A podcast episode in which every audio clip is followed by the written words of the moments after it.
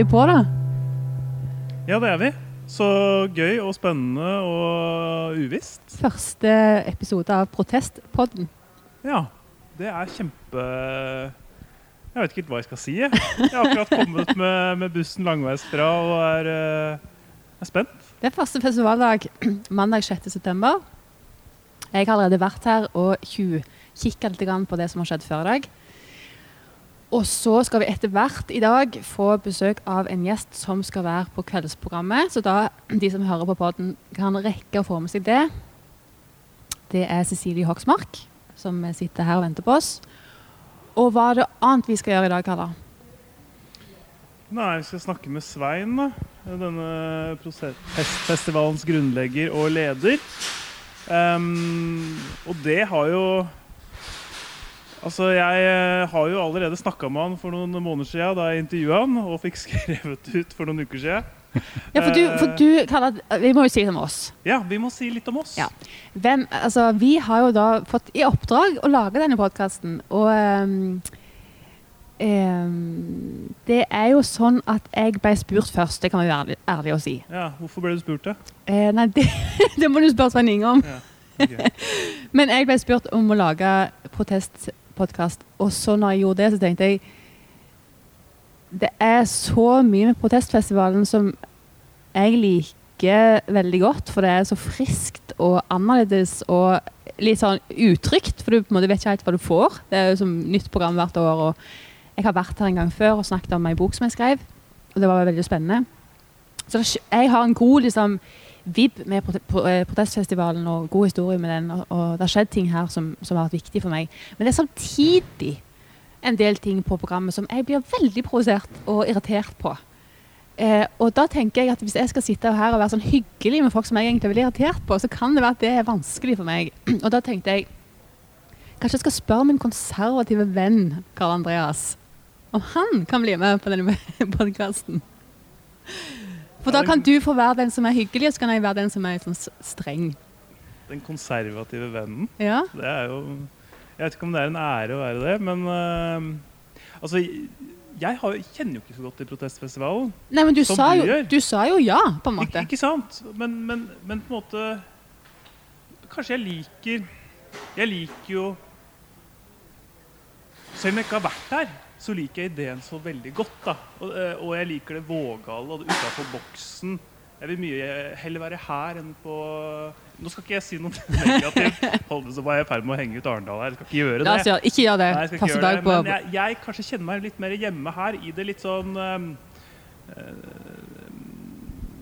Svein brukte ordet 'originaler', og det er kanskje jeg liker de bedre, og det kanskje sier noe om meg òg, at jeg rett og slett er en original. det kan godt være. Altså, Du jobber jo i, i, en avis som mange av mine venner ikke aner hva er for noe. Og som på sett og vis er en original. Ja.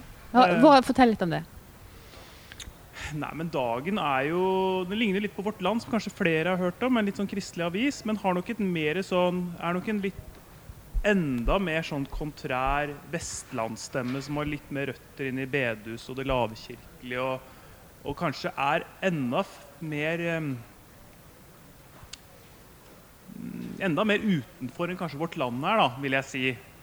det høykirkelige er jo mer inne i varmen i offentligheten enn kanskje, kanskje det, liksom det, den beduskulturen og det pinse og, og det såkalt lavkirkelige. da. Ja, for Det kan jo være greit for folk høre, som hører på, å vite om oss at vi kommer jo begge to ifra liksom, bedehusland, eh, pinse, karismatiske miljø. da.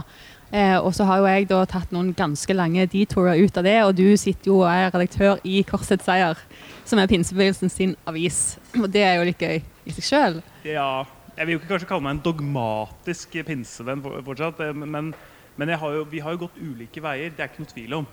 Og det gjør det jo også litt morsomt, for det, det betyr at vi ser kanskje hele festivalen vi ser hele samfunnet fra litt ulike perspektiver. Uh, og vi kanskje reagerer på ulike ting. Og det gjør på en måte vårt blikk på de ulike debattene og samtalene etterpå litt sånn ekstra spennende. Jeg har litt tro på at det kan være en ganske god match da, ja. i et uh, podkastformat. Og det er jo litt derfor jeg tente på ideen. rett og slett. Ja, for det er jo Hvis vi skal se litt på programmet før vi skal snakke med Svein Inge Det som er kanskje Altså, vi, vi skal jo innom mye her som er på en måte midt i, eh, altså i våre da, eh, konfliktsoner, når det kommer til akkurat det. Altså, på søndag for eksempel, så skal vi jo ha vekkelsesmøte her på festivalen. Eh, og det gruer jeg meg til. og gleder meg til. Fordi jeg tror jo at det er bra å ta i ting som er vanskelig. Ja, og så er det jo klassiske verdidebatter, ikke Sant. sant? Uh, nå har ikke jeg pugga det, men vi snakka jo allerede om eh, Hva var det vi snakka om når vi, sånn, når vi, når vi spilte inn den teaseren? Altså, det med barn, eksempel. Ja. Barns plass i samfunnet. Eh, vi skal snakke om eh, homofili og, og altså, Transseksualitet? Ja. Og vi skal snakke om Det kan godt være at vi kommer innom vaksinedebatten også etter hvert. Eh, Ja, Om Gud har forandra seg, har han blitt Ja. veldig snill med åra? ja, er det greit for folk å bare forandre mening om hvem Gud er, liksom? Ja. Ja. Eller jeg har jo lært at han er konstant, men det, det prøves under protestfestivalen. Og Og det går rett inn i vår litt sånn konfliktsone. Ja, for jeg har jo, jeg har jo litt sånn sansen for det, at Gud forandrer seg. Ja. Dynamisk Gud. Ja. Ja. En som er på til å passe.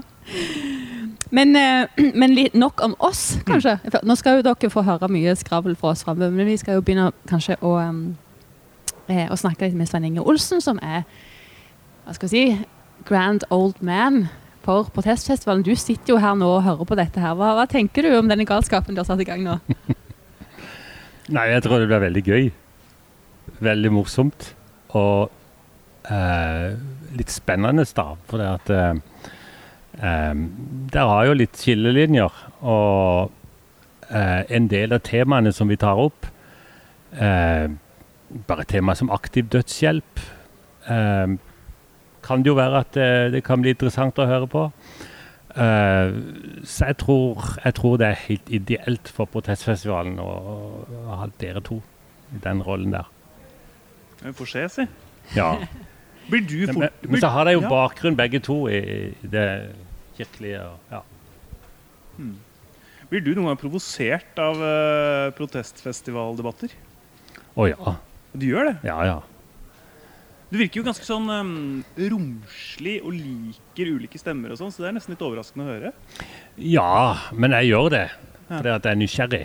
Eh, og vil vite og vil høre og vil på en måte gjøre, gjøre meg mine egne oppfatninger, da. Men det er klart at eh, klart jeg opplever stemmer og, og synspunkter som, som jeg kjenner eh, provoserer. Det er helt klart det. Ja. Så eh, det ville jo vært veldig rart hvis ikke. Da hadde det jo vært likegyldig. Jeg lurer på, jeg, nå, nå kaster jeg meg inn her. Jeg, har- Ja, hadde kjør på det. Nei, kjør på. jeg, jeg, jeg, jeg lurte litt på liksom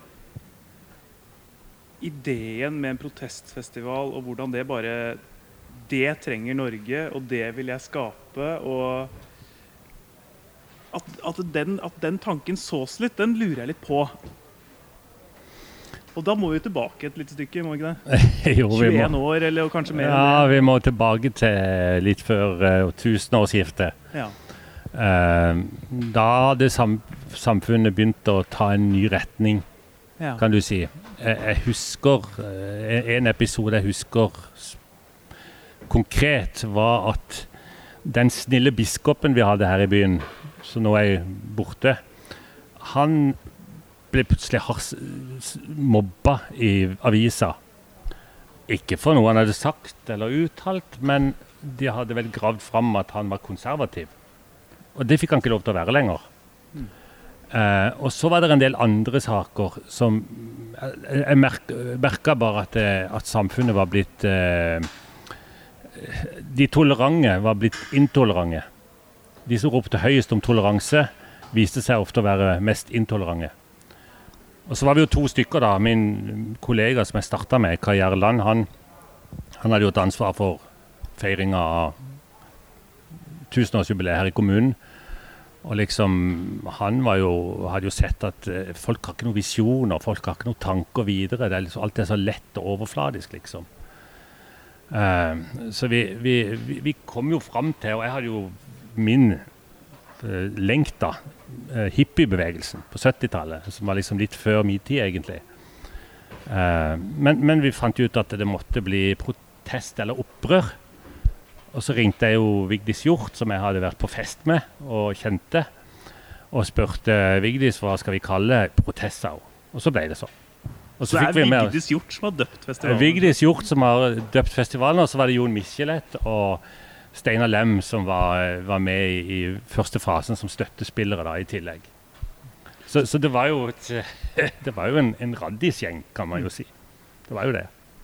Det er spennende. Eh, jeg tenker jo det som du sa nå om måte at de tolerante har blitt intolerante, um, og omvendt, det er jo en av de tingene kanskje som jeg, jeg føler er kjernen i protestfestivalen også i år. Uh, på en måte, hva er og det, det, er kanskje denne, denne, Vi snakker om konservativ og liberal, venstre og høyre. Eh, hva er forskjellen på å være eh, politisk eh, bevisst og å være intolerant? Altså, jeg mener um, når går respekten for, eh, for andre mennesker eh, Når bikker den til å bli sånn at du ikke har lov til å si noe kritisk om noen? Hvis dere forstår hva jeg mener. Um, og det er jo en ting som er ekstremt vanskelig å snakke om i dag. fordi at det, det, um, det oppleves som det er veldig hissig debatt. Mm. Altså grensen for ytringsfrihet, eh, det å bli bevisst på undertrykking og diskriminering av, av, minoriteter som har pågått før, og som en nå har lyst til å ta i og snakke ordentlig om og ta hensyn til. Men blir det da den nye undertrykkeren? Det, eh, stemmer ikke det, Karl, at det er litt der vi er nå? At man har bytta rolle, på en måte? Ja, eller at man i hvert fall lurer på om det er det som skjer. Og så er jo det veldig urettferdig for de som føler at men jeg har blitt diskriminert. Mitt folk eller min gruppe har blitt diskriminert i 300 år, og så skal dere plutselig kalle oss for undertrykkere fordi vi sier fra om det. Det er jo, sånn, det er jo kritikken andre veien igjen. Mm. Og, og, jeg syns det vanskelig Det synes jeg er vanskelig å vite helt hva som er Hvordan skal vi behandle folk ordentlig i den diskusjonen der? Jeg er litt enig i det. Jeg, jeg føler at det Kall det konservative krefter eller, eller liksom de tradisjonelle eller det kirkelige, at de får litt grann som fortjent. Fordi man ikke har vært Eh, man ikke alltid har vært en majoritet på den mest respektable og respektfulle måten. Og det slår en litt i ansiktet nå, eh, etter mange hundre år. Så, så, ikke, jeg, så på den måten syns jeg ikke så veldig synd på liksom disse kreftene. Men det er klart at jeg, altså, jeg som en fyr på liksom, i 30-åra er ikke så veldig skyld i det på én måte, men man bærer jo den tradisjonen med seg, den, og den skylden kanskje også. så jeg er litt enig i din vurdering der, altså. Mm. Hva tenker Du Svein Inge, du sa jo at dette begynte med det, akkurat den følelsen. Nå er jo gått 22 år. Føler du at det har eh, Hvordan er klimaet i dag? Er mye, mye verre. Verre? Ja. Så, så, i morgen tidlig så skal vi jo ha debatten om venstresida er de intolerante i dag. Og det er også min erfaring. Altså, når jeg har invitert folk til festivalen, jeg har aldri noensinne opplevd at folk på altså konservative ikke vil komme pga. den og den er der. Men jeg har flere ganger opplevd at, at uh, venstreradikale ikke vil komme pga. at noen høyrepersoner eh, er der.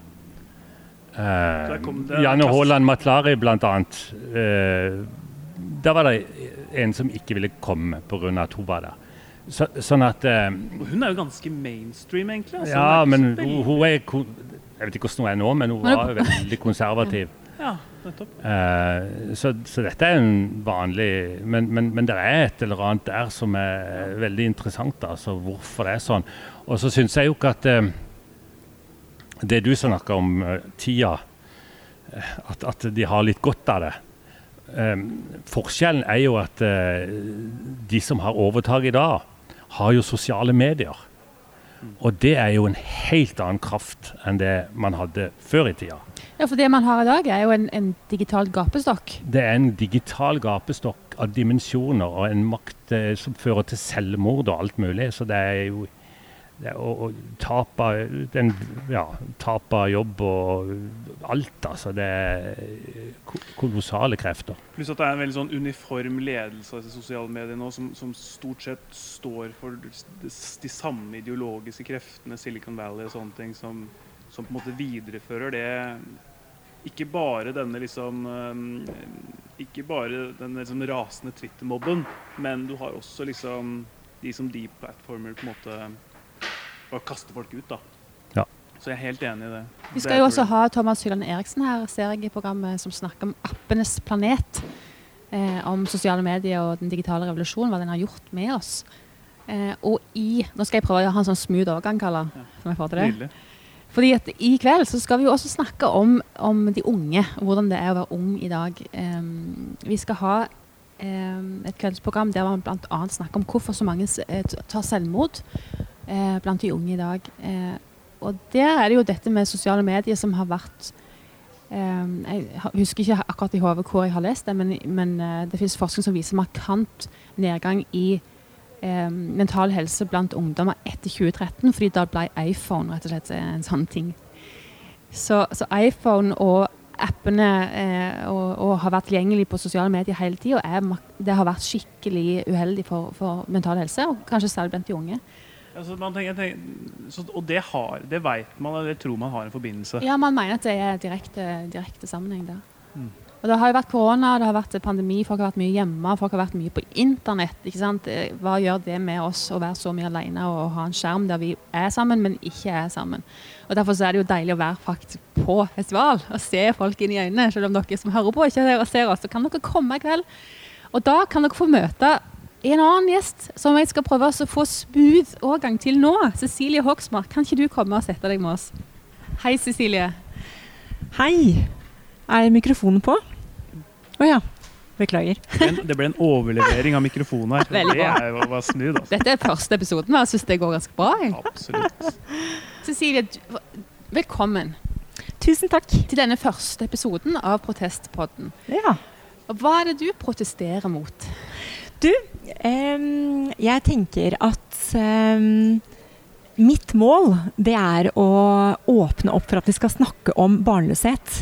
Så det er på en måte at jeg protesterer da i denne sammenheng mot et tabu, tenker jeg. Ja. Og tabu, det er jo, det er jo en skam som ligger bak et uh, tabu.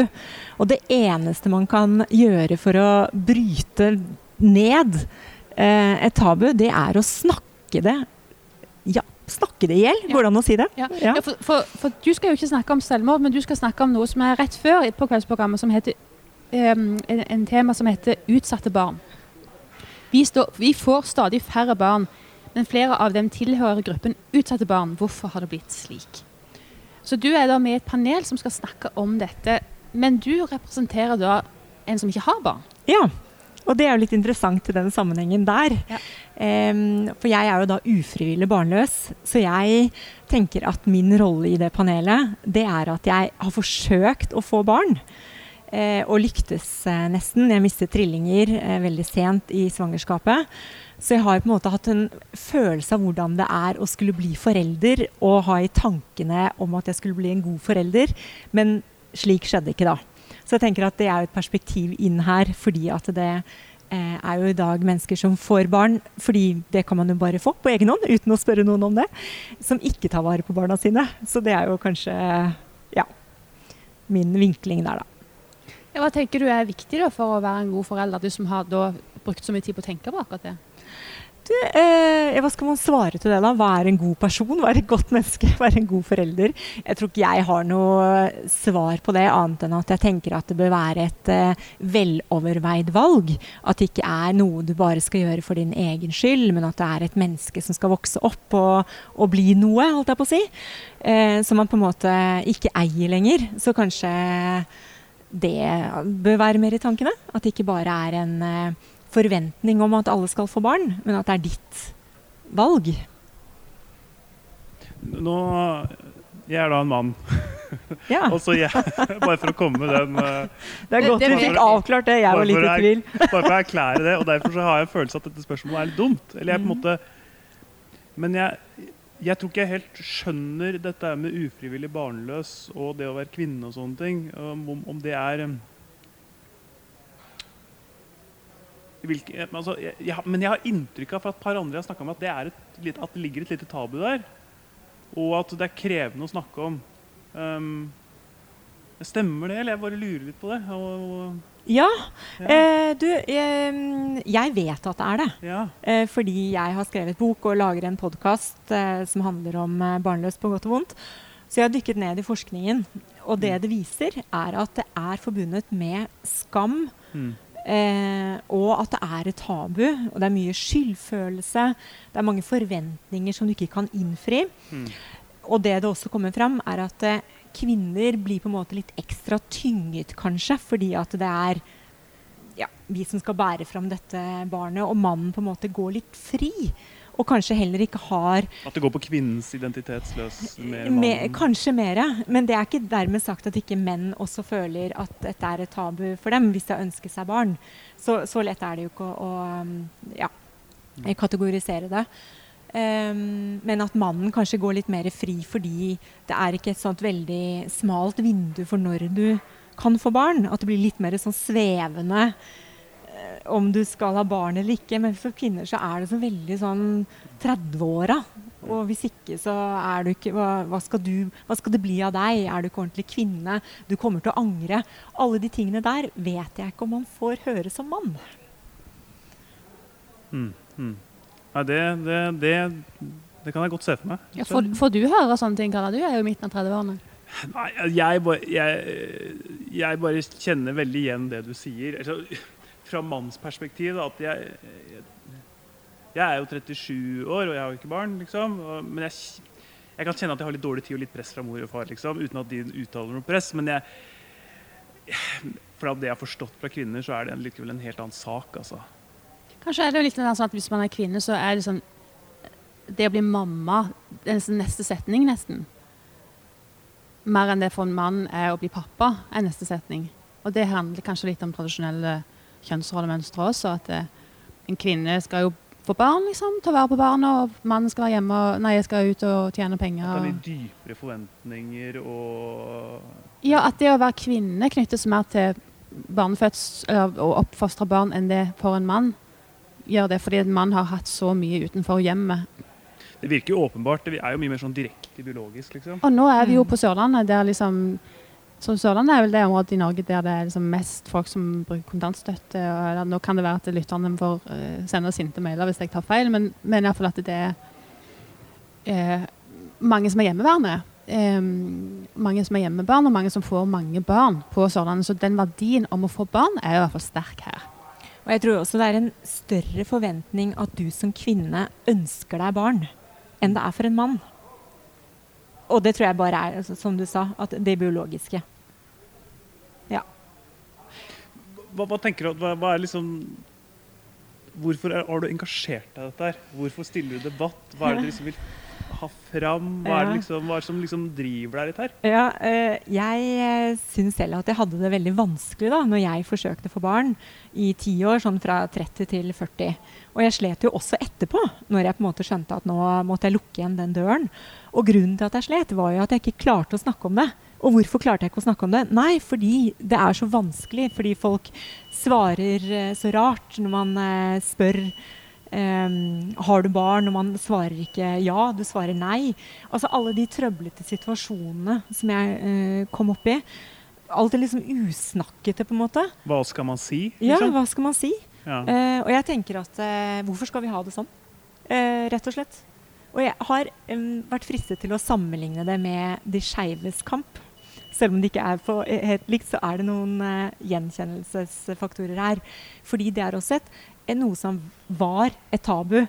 Fordi man manglet anerkjennelse på hvordan man var. Eh, og, og man kunne fjerne skammen, som jeg føler at vi på langt på vei har klart. Da. Det er litt overførbart til dette. Og da kreves det at uh, sånne som meg står fram, Mm. men at jeg også leter fram gode rollemodeller som også kan fortelle deres historie. Sånn, at vi, sånn som Bondevik, som satt her i sted, eh, under Hauges eh, eh, innledning her, så eh, forteller jo han om sin egen historie med depresjon. Og det er akkurat det vi trenger. Mm. Så det er min eh, Jeg tenker at jeg bare dytter dette her i gang, jeg. Mm. En annen ting som ble sagt på, på debatten før Hauge, det var jo dette med kirkegård. Som snakket om at eh, alle mennesker trenger lidenskap. Um, og, og det er da du begynner å leve på ordentlig. Um, og for noen så kan det være å få barn, og for andre så kan det være å skrive bøker. Og Kirkegård valgte jo vekk familie og ekteskap. Og så kan jeg diskutere hvorfor han gjorde det, om han bare feiga ut, eller om han tenkte at det får ikke til, eller hva det var. Men, men i hvert fall den der automatikken i at Kanskje spesielt da som kvinne, at det, selvfølgelig skal du vel ha lyst til å få barn.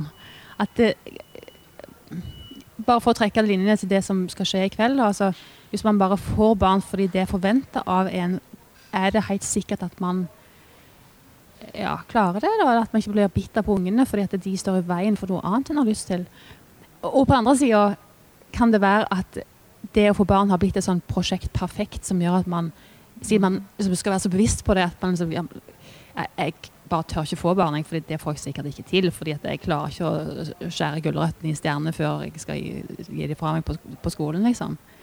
At, jeg vet ikke om jeg har et, spørsmål, har jeg et spørsmål her, eller bare holdt jeg en sånn tirade nå? jeg kjenner iallfall på at det er en slags dobbelthet i det. Jeg syns det du sier, gir litt mening, da, med tanke på at uh, den fyll jorden-tankegangen den ga liksom ja, Nå må du hjelpe de som ikke er kristne. her. Ja, det, altså, det, står, det, står, skrevet i uh, første Mosebok eller noe sånt. Og, altså, men i dag så er vi det jorda er fylt, liksom. Så, liksom det er en masse folk på jorda nå. Ja, så det er liksom Det er ikke noe Det er jo mye mer sånn privat motivasjon dette med å få barn enn før. Før var det liksom en, en nesten sånn satt oppgave Det føles veldig annerledes i den moderne verden. Ja. Og så har jeg lyst til å si en ting til. Og det var at Jeg husker at jeg intervjuet en pastor en gang i tida. Egentlig en fyr jeg kjente litt. Kjempefin fyr. Uh, men så hadde ikke de barn. Og det hadde jeg lyst til å pirke litt borti, for det var et portrettintervju. Fordi kristne de får jo masse barn. Ja, ja, ja altså, kanskje enda mer, selvfølgelig. Jeg vet ikke, altså, jeg tror ikke jeg tenkte så langt. Men, men han Men så så lurte jeg på om, dette var et, sånn, om det var et sånt valg, eller om det var fysisk. da. Jeg hadde litt lyst til å spørre Turte om det. Turte du å spørre? Ja, jeg spurte om det. Ja. Er det OK å spørre om, Cecilie? Du, da? Nei, jeg er spent nå på svaret. Det skulle jeg aldri ha spurt om! Fordi, eh, fordi da, da svartna øynene liksom totalt. da. Ja. Og liksom fra en fyr jeg egentlig alltid bare hatt en veldig god stemning med. Ja. Så jeg skjønte bare at jeg tråkka en strek. Og det visste jeg ikke helt at dette var helt sånn. Nei. At det var, at det var med, med, han og kona og sånne ting, så var det jeg, nå, nå, sa ikke han at det var et issue, han bare sa at det har ikke leserne dine noe med. Nettopp. Men det en ganske streng tilbakemelding, ja, da. rett og slett. Og nå har det gått for langt. Det var på en måte fair, det, altså. Men uh, selv om det var litt oi. Ja. Mm. Men det, det, det, det, viste Det sa meg noe om at dette er ganske personlig, altså. Ja. ja. Det var en interessant svar. Det var tøft at du spurte. Ja, men jeg vet ikke om jeg burde ha gjort det. Jeg tror ikke det, man skal være så veldig redd for å spørre om det. Det har mm. også vært min fanesak. da. Mm. For Man kan ikke være noen sånn politi for hva, hva, hvilke spørsmål folk kan stille deg. Jeg mener, det, være, det, er jo en nysgjerrighet som ligger bak der. Og det er jo ikke, ikke noe ondskap heller. Men så er jo spørsmålet hva man da svarer når man får spørsmålet 'Har du barn?' Og så svarer man nei. Hvem har det ansvaret for samtalen videre? Og da tenker jeg at den hviler på begge. Mm. Der skulle begge ha klart å på en måte ro dette her i land, og heller på en måte spurt om um, hva er det som engasjerer deg for tiden? Eller hva er du mest opptatt av? Hva interesserer du deg for? Bare for å få litt sånn sving på samtalen. Da. Ja, for Hvis man ikke følger opp med å forklare noe om det, da mener du at den som spør, bør lukte lunta og bare ikke spørre noe mer? Ja, jeg tenker at det er opp til den som ikke har barn, å ha et ønske om å fortelle mer. da. Mm. For det er klart at eh, det kan være situasjoner hvor det passer, og andre ganger ikke. Så det er, er privat. Man beveger seg i noe som kan være har vært veldig sårbart, og mm. kanskje er det fortsatt. Så det bør man jo på en måte ha en respekt for. Men jeg tenker også at jo flere ganger man øver seg på den samtalen, og snakke med folk og, og få i gang liksom, Eller fortelle historien. Man kan øve seg på en uh, litt sånn rask versjon av den som virker ufarlig, og, og, og som er helt OK dit tenker jeg vi må komme. Mm. Veldig fint, Cecilie. Kalla, hva tenker du? Er, er, vi good to go med Nei, jeg, jeg, jeg, jeg, tror kanskje at vi er eh, på tidslimitene, tror jeg satt. Ja. Det er bare magefølelsen. I hvert fall. Vi skal ikke skravle sånn enormt, for poenget her er jo at dere skal få lyst til å komme på festival. Det er jo her på festivalen det virkelig skjer. Ja, og fortelle om alle, gi en slags smak av de spennende debattene som foregår. spennende samtalene som er eh, viktige for samfunnet vårt. Mm. Og, det er rett og slett podkastens mantra og rolle. Protestpodden, altså. Protestpodden, altså. Ja. Veldig bra. Da sier vi tusen takk fra, fra Markens eh, mandag, og vi høres i morgen.